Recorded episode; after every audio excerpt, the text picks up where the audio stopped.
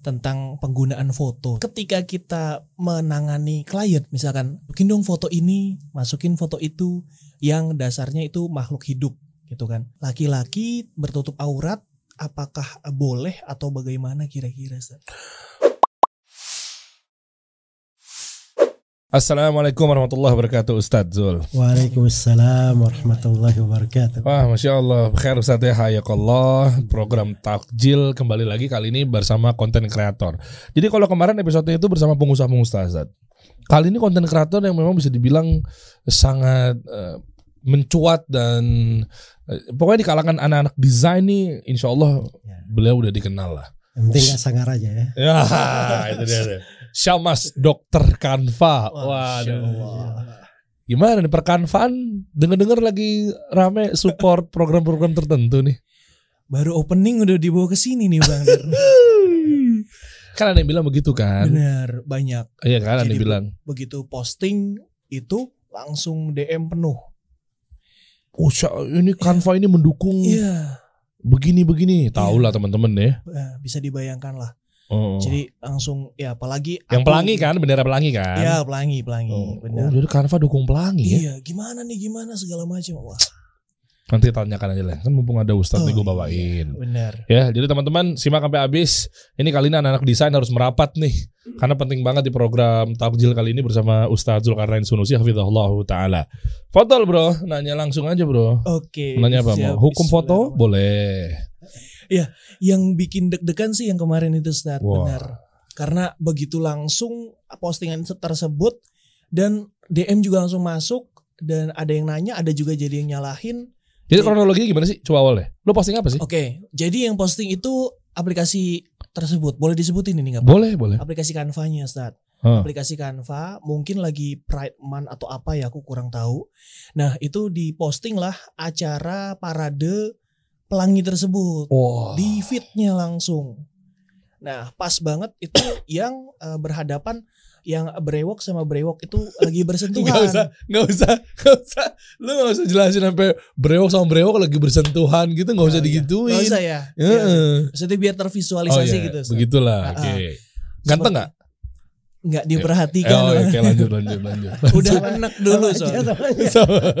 Udah enak soalnya. Oh, iya, iya. Lanjut lanjut. Gak lama DM masuk, Ustaz. DM masuk nanyain lah karena dianggap uh, aku selaku yang menggalangkan gitu kan, yang memperkenalkan Canva kepada orang-orang. Nah, dianggap tahu. Dan jujur sebenarnya nggak tahu juga dan hmm. kira-kiranya bagaimana nih Ustaz? Jadi Syamas ini kalau ngonten di spesialisasinya tips Canva Ustaz. Benar. Gimana cara ngedit foto di Canva? Gimana cara pilih huruf yang bagus di Canva? Pokoknya konten-kontennya serba Canva, makanya dijulukinnya dia dikenal sebagai dokter Canva nih. Nah, apakah harus ganti aplikasi karena ketahuan? Mulai boykot, boykot? Mulai dari nol dong jadi. Waduh. Wanda ngejar dunia banget ya. Oh, Insya Allah kan. Iya, coba coba kita tanyakan sama Ustadz aja langsung bagaimana hukumnya apakah boleh memakai aplikasi tersebut nih. Iya. Kalau nggak boleh ya uninstall bro. Iya, Sorry ya, banget. Nanti habis video ini ya teman-teman akun ya. baru ya. Iya, Foto Ustadz Barakallahu Fikum. Masya Allah. Baik kita mulai ya. Bismillah. Ya. Wassalatu wassalamu ala rasulillah. Wa ala alihi wa sahbihi wa wala. Amma ba'd. Jadi sebenarnya begini ya uh, muamalah itu kan pintu luas ya. Yeah. Asalnya dalam bermuamalah transaksi kita pakai apa, bertransaksi dengan siapa, ada interaksi dengan siapa, asalnya itu dibolehkan. Oke. Okay. Iya. Nah itu kalau di hukum muamalah kan boleh muslim transaksi dengan non muslim. Bahkan non muslim ini kadang uh, disebut misalnya Yahudi makan riba dalam Al-Quran ada muamalah juga bahkan Nabi ada muamalah dengan orang Yahudi kan? Oh iya. Iya. Ya maksudnya dari sudut muamalah boleh-boleh saja di sudut muamalah. Tapi kalau misalnya dalam uh, sesuatu di situ ada hal yang membahayakan kita ingin memboikot misalnya. Nah, kalau secara pribadi hak pribadi silahkan aja. Saya misalnya nggak senang ini ini produknya saya anggap berbahaya nih produk dia bantu orang-orang tertentu. Saya nggak hmm. senang ini produk tapi itu urusan saya pribadi. Hmm. Tapi kalau saya mau mengajak orang, ayo kita boikot produk, kita boikot produk ini, itu bukan wewenang saya, bukan ranah saya. Oh, kenapa sih? itu urusan pemerintah yang bisa seperti itu. Oh. Ya, jangan overacting dong. Ya. Ya, ya kalau bukan ranah kita nggak boleh kayak seperti itu. Tapi kalau kita ingin menjelaskan ini sesuatu yang buruk, jelek, itu kan bagian dari amar ma'ruf nahi mungkar. Ya nggak ada masalah. Karena itu kalau ditanya tadi terkait dengan penggunaan, itu kembali kepada hak orang. Asalnya boleh, tidak ada masalah. Hmm. Kalau secara pribadi ada hal yang nggak bagus dia tidak menggunakan, ya silahkan itu secara pribadi. Hmm. Ya atau mau cari aplikasi yang lebih bagus, ya itu silahkan mungkin itu lebih bagus. Hmm. Tapi kita ngajak orang, menyalahkan orang memakai itu nggak boleh. Oh. Ilmu nih. Nggak boleh Benar. Hmm. Baik, jadi eh, itu eh, sudut ranah ada aturan-aturannya.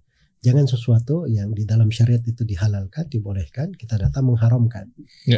Jangan sesuatu yang bukan kerjaan kita, bukan otoritas kita, kita ingin masuk juga di situ. Hmm. Akhirnya kita jadi banyak jabatan dong. Iya, Ya. betul.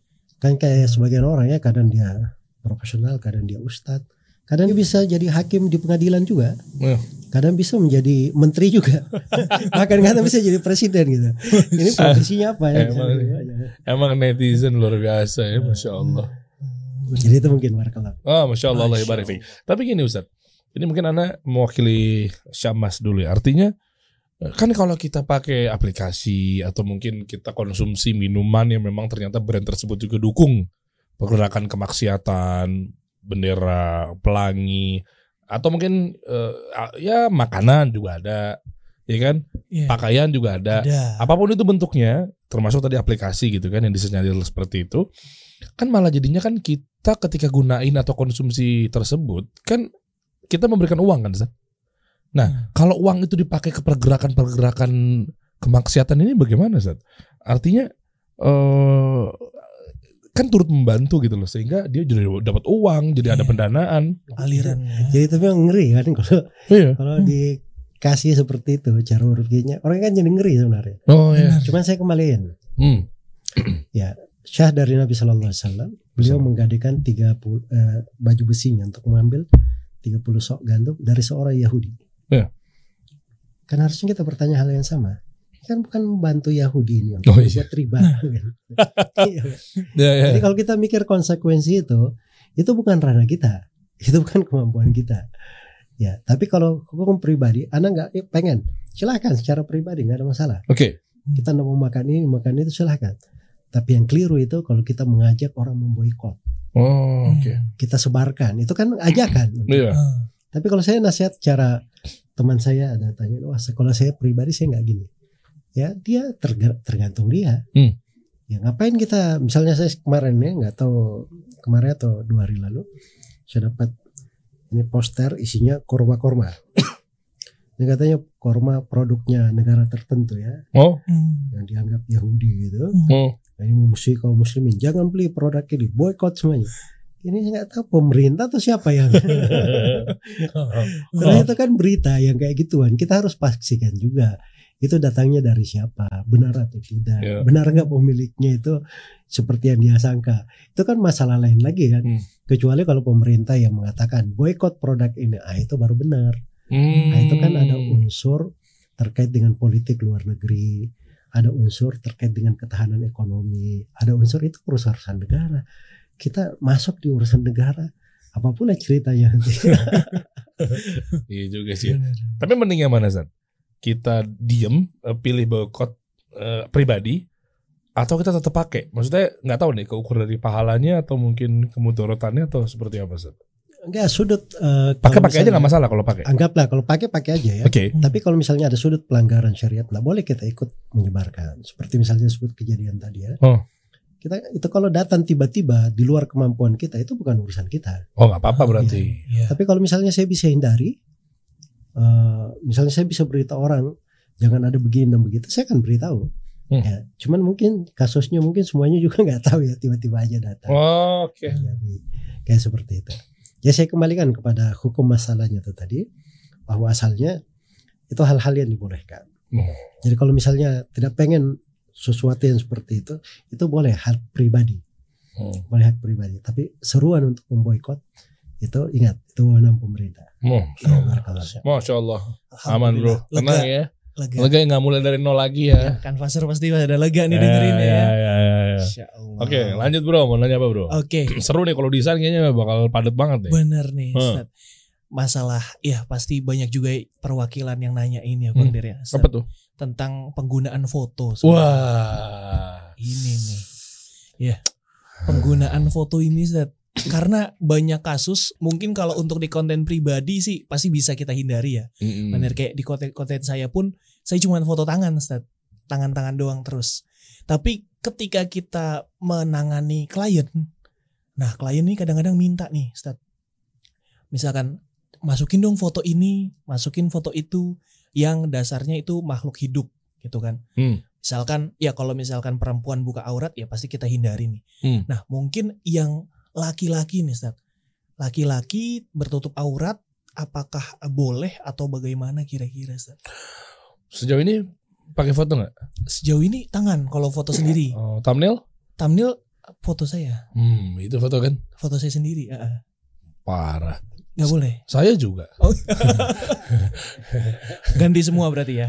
Nggak sebentar lah dulu, Oh, jangan iya. ganti-ganti aja nih. Iya. Sebentar nih, sebentar. Emang terkadang anak-anak muda kan biar ada penekanan menarik gitu. Cerita dikit ya, waktu Eh. kemarin pertama kali perdana Ustadz Zul duduk di sini. Iya. Ya udah, Ustadz syuting selesai. Aneh masukin foto Ustadz Zul kan. Cet di thumbnail. Bismillah udah. Ustadz aneh naikin tuh Ustadz ya. Pakai foto Ustadz ya udah. Intinya tuh Ustadz naik tep. Oh, rame udah serang bro. Kenapa tuh? Ente udah izin belum? Satu. Emang Ustadz dulu rela pasang fotonya? Bener juga sih. Ya udah soalnya saat ini gimana Ustadz? Kan ente yang pasang kasih dia dari kasih solusi. Kita tanyanya bareng-bareng Boleh. ya. Boleh. Aduh. Panas nih. Ganti ya. Mm-mm. Ya Gim- jadi begini ya gimana, terkait Ustaz? dengan masalah hukum as-sura. Sura itu gambar ya kalau bahasa umumnya gitu.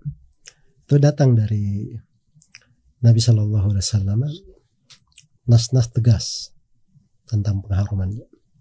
Malah guru saya Syekh Mukbil itu punya satu risalah khusus cukup tebal juga. Boleh kumpulkan seluruh dalil-dalil terkait dengan haramnya aswar dati al uh, datul arwah. Uh, gambar-gambar yang bernyawa makhluk bernyawa.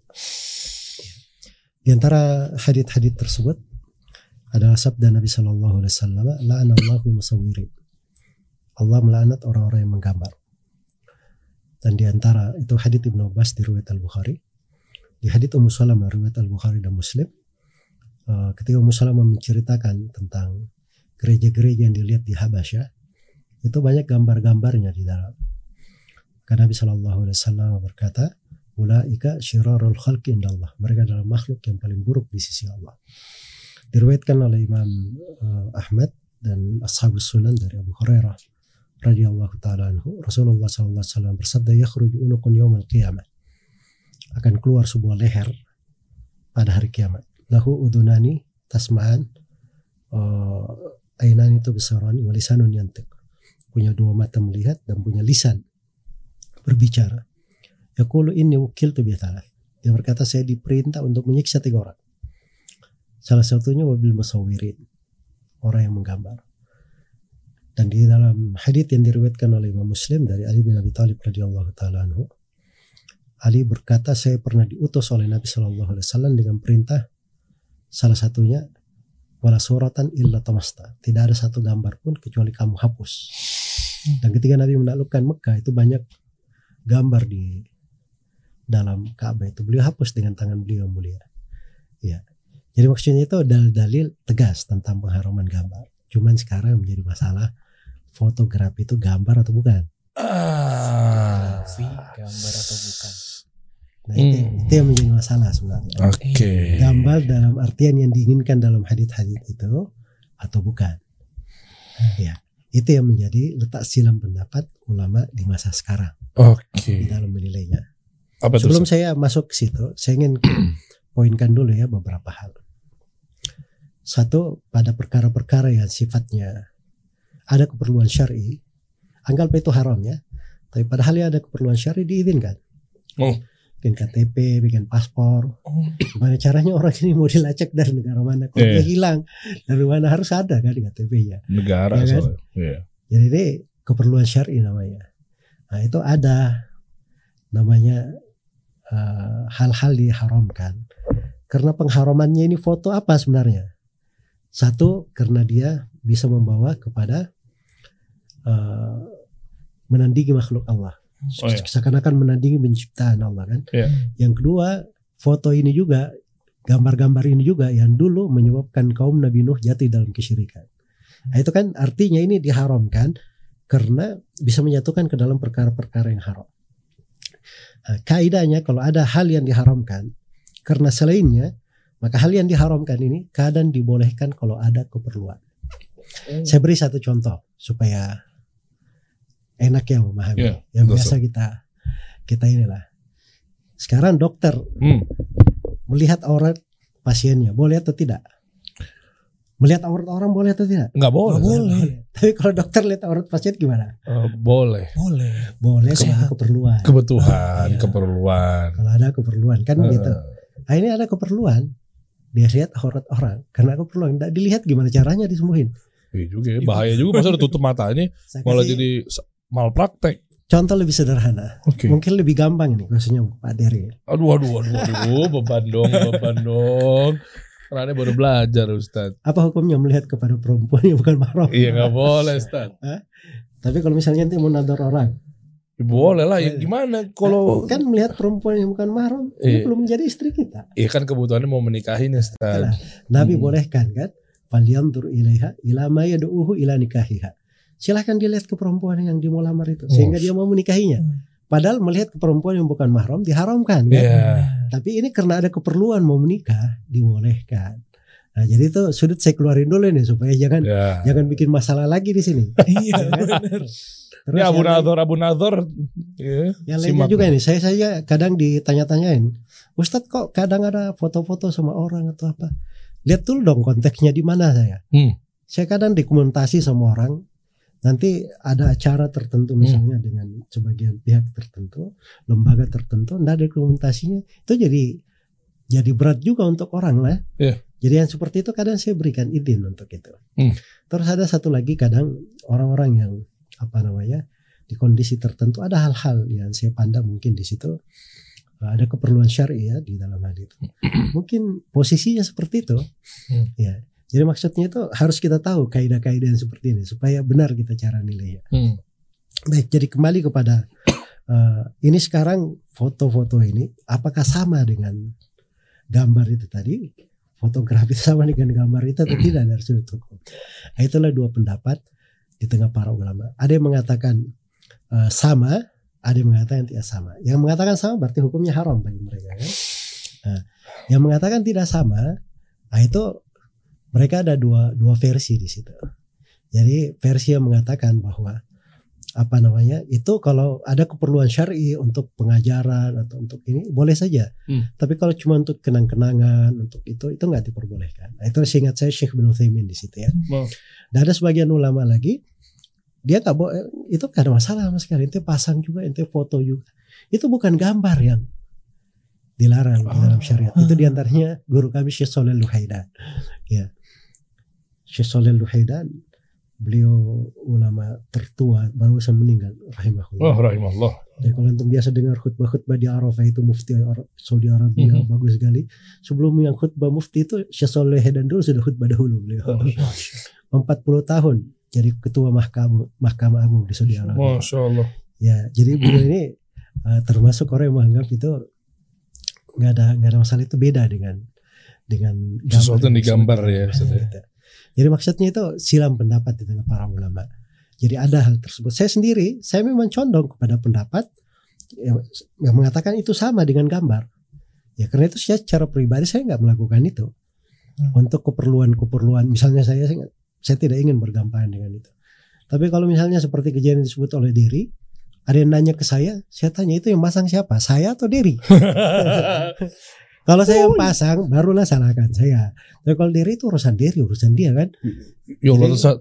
Tapi kan anda ngambil pendapat yang boleh, Ustaz. Ya itulah makanya itu kan urusan ente. Oh, iya. Ya kan pendapat boleh itu kan urusan ente. Iya, Jadi kalau saya bilang der itu nggak boleh, saya kan maksain pendapat sama dia. Hmm. Nggak benar juga lah kayak gitu kan. Masya Di Allah. situ loh mungkin gambaran-gambarannya kayak gitu. Barakallah. Masya Allah. Insya Allah. Jazakallah khair Allah barik. Jadi clear teman-teman ya udah klarifikasi kenapa waktu itu saya pasang foto Ustadz Zul di postingan waktu itu gitu kan. Ya meskipun beliau mengambil pendapat yang tidak membolehkan foto gitu kan. Tapi kan saya boleh Ustadz. Gak apa-apa kan Ustadz ya? Saya tetap jadi murid Ustadz.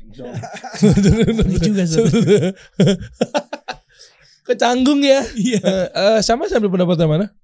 Aku mau nanya lagi nih. Enggak, jawab dong. Lo jangan nyudutin gue. Mau nanya. Enggak lo pendapat yang mana tadi- foto-foto? Tadi, tadi kata Ustadz buat kegiatan belajar mengajar boleh Ustadz ya. Kalau aku kan suka bikin tutorial, ada model fotonya. Oh Gitu iya. kan. Buat kegiatan belajar mengajar. Ya, ya, lo ambil foto Kita- kan? Itu bagi pendapat Syekh Ibnu Utsaimin tadi. Iya, Katakan boleh, boleh. tapi padahal uh, misalnya kayak gitu ada untuk Belajar. pelajaran, bukan bukan disimpan untuk kenang-kenangan. Bukan kenang-kenangan. Oh sama kayak kasih solusi juga ya, edukasi juga ya. Kenang-kenangan. Enggak dong edukasi lah. Gimana caranya orang tahu mengambil ilmu dari siapa dan sosoknya seperti apa? Oh, Kalau ilmunya nggak terpercaya, nggak tervalidasi, oh dari Ustadz Zul, oh oke lah, anak ambil. udah terkalif terkalifikasi ya berarti teman-teman semua. Iya kan kita nggak tahu. Iya. Ntar Ustadz Zul yang mana kan kita nggak tahu. Iya, Itu bener. pendapatnya Dery kan. Oh, iya. Menghargai pendapatnya. Oh iya benar. Masya Aduh ya Allah enak banget lagi sebelah Aduh. Ustadz lagi. Astagfirullah, astagfirullah. Benar benar benar. Gitu. Ya, ya, oke kita balik lagi. Silakan Anda Oke, bertanya. lanjut Co- Coba lah. dinginkan suasana. Kita Sebelahan dinginkan lagi lagi. sama Ustadz ya Allah. Oke, Ustaz. Masih ada hubungan dengan foto dan gambar nih, Ustaz. Jadi zaman sekarang ini ada yang namanya teknologi AI. Hmm. Jadi dari teknologi AI mungkin teman-teman tahu juga. Jadi kita ketik misalkan eh, orang Asia pakai jas gitu. Hmm. Dari kata-kata tersebut yang diketikkan nanti AI akan bekerja mengambil dari database gambar-gambar itu ya di internet. Terus kemudian nanti digabungkan sehingga jadilah benar-benar orang Asia pakai jas. Tapi sebenarnya yang diambil itu adalah potongan-potongan gambar dari orang lain. Bedanya sama Google apa? Oh kalau Google Google terlalu ngacak ya. data. Google kan data. Image di Google itu. ya? Image di Google Mhm. muncul data-datanya. Oh, iya, iya. Nah, Kalau AI itu Oh, digabungkan, Dibikinin lagi ya. dibikinin sama dia uh, seolah gambarnya itu orang yang memang orang Asia tersebut Hmm. pakai jas yang mungkin aslinya ada seorang yang menjepret atau membuat fotonya Oh, oh. orang Asianya itu pakai baju biasa aja gitu. Tapi dengan AI Susun. disusun sehingga pakai jas dan lain-lain. Nah, itu gimana kira-kira hukumnya, Ustaz? Loh, tapi yang pemilik fotonya, pemilik gambarnya tahu nggak? Ya nggak tahu. Oh. Nggak tahu. Kan sudah tercampur jadinya, Bang Der. Jadi Hmm. bener-bener kayak ya sesuatu Cuma kan yang- kalau di digital itu kalau nggak salah ada dua ya. Ada free commercial Nah. use, free personal use. Iya. Jadi ini eh, gua gratisin deh tak, eh, untuk kebutuhan personal ya, nggak boleh Iya. buat ngiklan, nggak boleh buat bisnis, nggak boleh buat posting di kebutuhan percuanan lah, Iya, nggak boleh diduitin nih, benar. ya kan? Tapi ada juga yang free 100%. 100%. Terserah lo mau iklanin, lo kasih advertising, lo taruh di billboard buat gimmick-gimmick ini tuh, artinya Iya. di komersil ya. Ada Nah, gambar. kalau AI itu yang mana ya? Nah, AI itu dari database internet setahu uh, aku. Oh, jadi campur tuh. Jadi campur. Ada yang orang ridho eh, ini ini buat nah, lu secara komersial, ada juga yang nggak ridho tuh. banyak yang mempermasalahkan di sana jadinya Bang Der. Oke, font juga gitu ya. Iya. Download font kan juga gitu kan. Font font juga gitu sama. Huruf-huruf itu tuh. Iya. Hmm, ya waduh. Silakan Ustaz Zul foto barakallahu fikum Ustaz. Ya jadi hal yang terkait dengan hak-hak manusia itu dihargai, ya, dihormati. Nah, Jadi kalau dia punya hak di situ, punya ini, ya kita tidak boleh mengambil hak orang. Jangankan terhadap Muslim, non Muslim pun tidak boleh kita. Oh, ya. Hmm. berbuat dolim namanya. Hmm. Berbuat dolim. Cuman di masa sekarang kan ada hal-hal yang sudah dimaklumi. Hmm. Ini dia pasang gambar sini, artinya semua orang boleh pakai gitu. oh, konsumsi publik. Nah, Hmm. Ya kalau yang seperti itu itu nggak ada masalah. Kita pakai pun nggak ada masalah. Karena memang asalnya dia simpan di situ itu maknanya dia bolehkan. Hmm. Jadi makna itu idinnya secara tidak langsung sebenarnya. Kalau Nah, ada yang seperti itu nggak ada masalah. Tapi kalau ada hal yang terkait dengan hak orang, nah itu kita harus teliti. detail jangan kita ambil nah, itu fungsinya konten kreator sebenarnya Hmm. bikin sesuatu yang menarik tapi dari hasil uh, produksi sendiri bukan juga punya orang lain gitu Hmm. nah, jadi itu mungkin uh, sudut yang harus kita kita perhatikan Iya. ya Masya Allah. Clear. Iya, Jadi hak orang tuh hati-hati tuh. Benar. Kalau orang yang dari do Ustaz ya bisa jadi bermasalah. Ya, Karyanya. jadi sebenarnya itu bulan Ramadan ini itu di antara hikmahnya itu mengajari kita untuk pandai menempatkan hak itu pada pemiliknya masing-masing. Hmm. Hmm.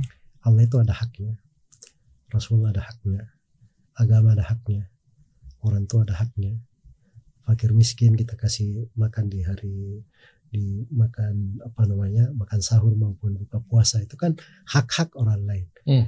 Ya kita buka buru, puasa bersama keluarga, makan sahur bersama itu kan ada hak-hak keluarga. Jadi itu sebenarnya Ramadan itu secara tidak langsung mendidik kita untuk menempatkan segala sesuatu itu atau se- apa saja kita berikan haknya masing-masing.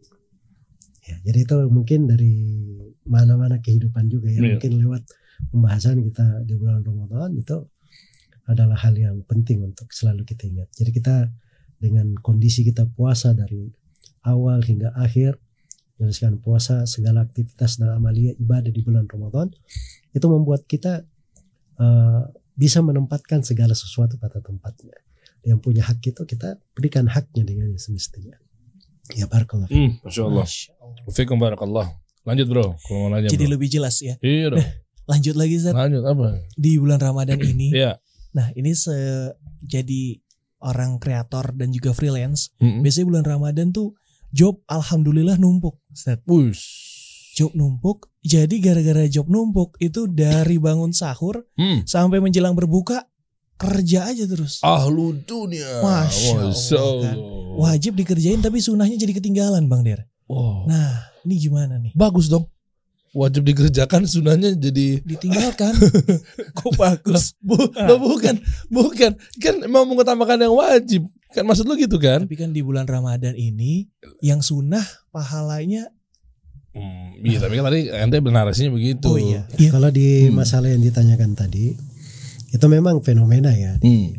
Ramadan ini kadang kita kebanjiran pekerjaan malah di luar Ramadan mungkin itu tidak datang seperti itu tapi di bulan Ramadan datang kepada kita itu kerjaan-kerjaan tersebut.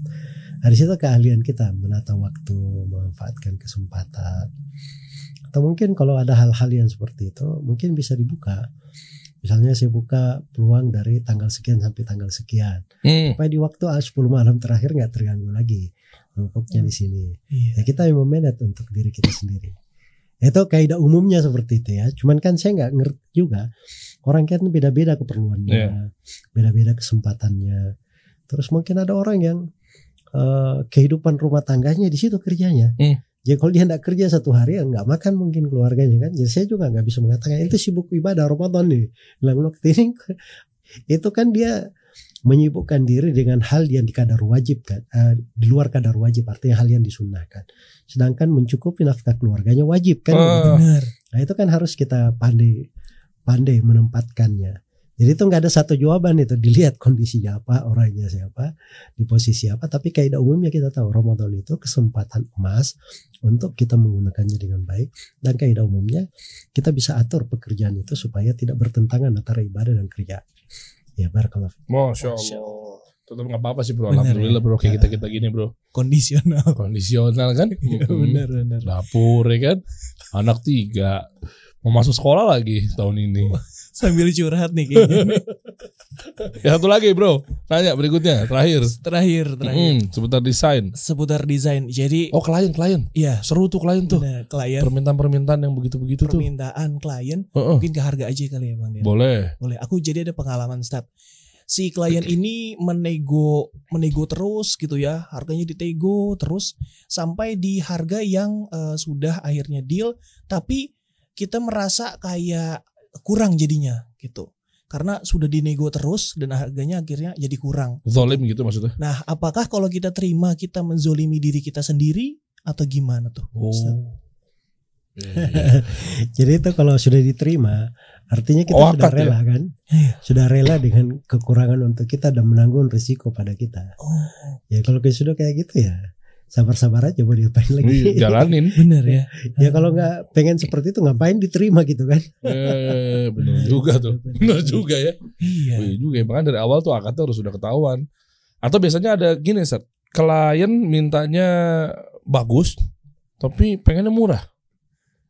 Ya, Dan- semua orang minta seperti itu. ya maksudnya eh ya susah juga ya kalau kita udah akad udah deal ya berarti kan kita udah sepakat ya Ustaz. ya? Iya. Oke, kalau di pertengahan berubah berarti nggak boleh dong Ustaz. nggak boleh kalau karena sudah ada akad kan?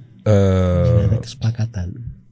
Jadi kesepakatan dua belah pihak itu eh, ini satu kerja, ini satunya dia memberikan upah gitu. Jadi kalau terjadi seperti itu, itu kan mengikat antara keduanya. Nggak boleh di, dia berubah kecuali dengan restu dan ridho salah seorang dari keduanya. Oke. Oh. Nah ini kalau ngomongin salah sa- eh, seorang keduanya ini mengingatkan anak pada kisahnya Uthman bin Affan yang sumur ya Ustaz? Hmm. yang bagi-bagi hari tahu gak Sat? Jadi ada sumur dan orang yang punya orang Yahudi akhirnya nanti uh, Uthman bin Affan eh, coba untuk eh, di selang-seling waktu hari ya udah nih sehari buat engkau sehari buat saya. Nanti ujung-ujungnya tuhnya Uthman bin Affan malah menggratiskan kepada kaum muslimin. Nah itu sama nggak Sat? maksudnya kan mungkin tahunya akan disewain misalnya sumurnya biar bisa kaum muslimin tetap ikut minum apa segala macam. Tapi tahunya dengan kebaikan beliau radhiyallahu an artinya pas di hari beliau dapat jatah sumurnya malah untuk digratiskan kepada kaum muslimin nah itu gimana Ustaz? sama nggak Ustaz? Saya nggak ingat ya terkait dengan kisah Hmm. itu, apakah eh, beliau langsung beli atau ada kisah tersebut, Allah alamnya. Cuman kalau konsep seperti itu kan konsep-konsep pendekatannya. Oh, oke Dan itu hal yang bagus saja seperti Hmm. itu. Sebab pada dasarnya dia ingin berbuat baik. Jadi kalau babnya tabarro, dia berbuat baik, itu banyak keluasan kalau orang berbuat baik gitu. Nggak terlalu diperketat juga sebab dasarnya yang berbuat baik. Tapi ini kan beda. Ini akad kerja. Hmm. Ini memberi jasa, ini memberi upah kan. Jadi ini susah, enggak, boleh seperti itu. Harus terikat dengan akad dia. Hmm. Ya. Jadi itu sudut perbedaannya. Ya barakallahu fiik. Masya Allah Allah barik fik. aman bro Berarti jangan sampai gondok-gondok di tengah jalan gitu ya Bang ya. wah ya benar benar Curhat, jadi curhat. ya jadi begitu di tengah jalan kadang ngedumel Iya. ah, ngapain sih ini sih tau gitu nggak gue kerjain nih tapi cuan sih ya udahlah ah gitu gitu kan ikhlas bro harusnya bro Iya, iya. Iya kan? Makasih Ustaz jadi tercerahkan banget Ya, nih. sesuai dengan namanya dong Masya Allah. cerah syamas masya Allah apa sih artinya syamas Ustaz? Syammas ya dari matahari. Ada namanya seorang sahabat eh, khatib Rasulullah SAW Thabit bin eh, Zaid kalau nggak salah Huh? Syammas terakhirnya itu Syam, nama Hmm. kakeknya Syammas Syammas itu kan dari kata matahari ya Wush. Jadi kalau Syammas matahari banget gitu artinya mencerahkan Waduh. menerangi gitu Menerangi ya. ya barakallahu fiik. Masya Allah barik fik. Skincare-nya apa mas? Dari Bang Diri. Syukran Ustaz ya Jazakallah khair Barakallah fik Hayakumullah. Syukran bro Hayakumullah